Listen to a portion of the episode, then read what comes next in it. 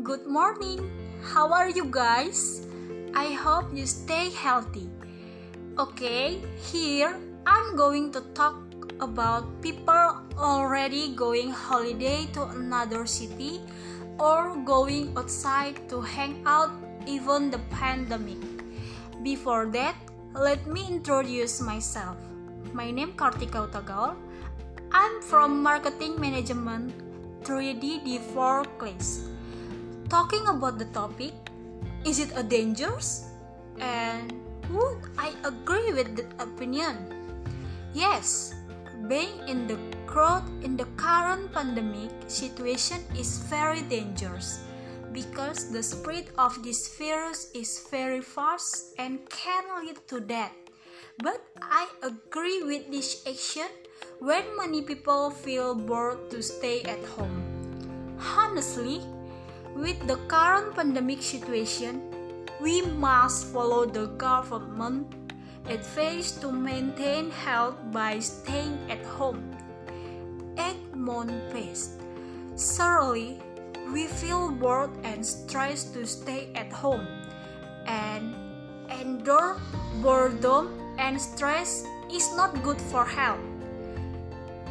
Yes, of course, it can make us depressed.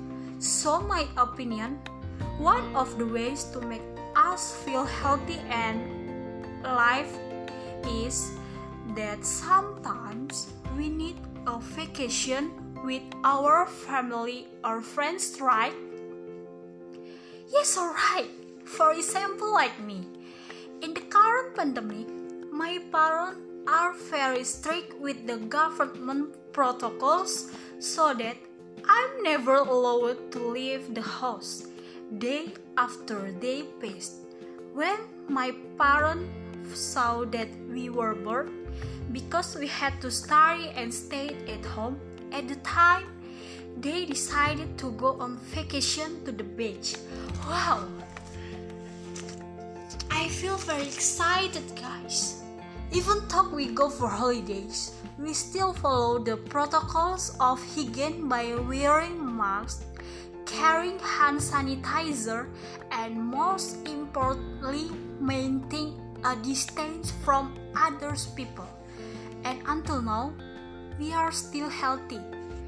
So, for those of you who feel bored at home, don't be afraid to make yourself better. What makes you feel better? If you need a vacation with family or friends, you can do it. Yes, you can do it. But you must remember keep wearing a mask, bring hand, san- hand sanitizer, and keep your distance to others people. So, love yourself by keeping clean and stay healthy. Okay, this is all I can say to you. I hope we are in good health. And I'm sorry if I got it wrong. And thank you for your listening. Bye bye. See you soon, guys.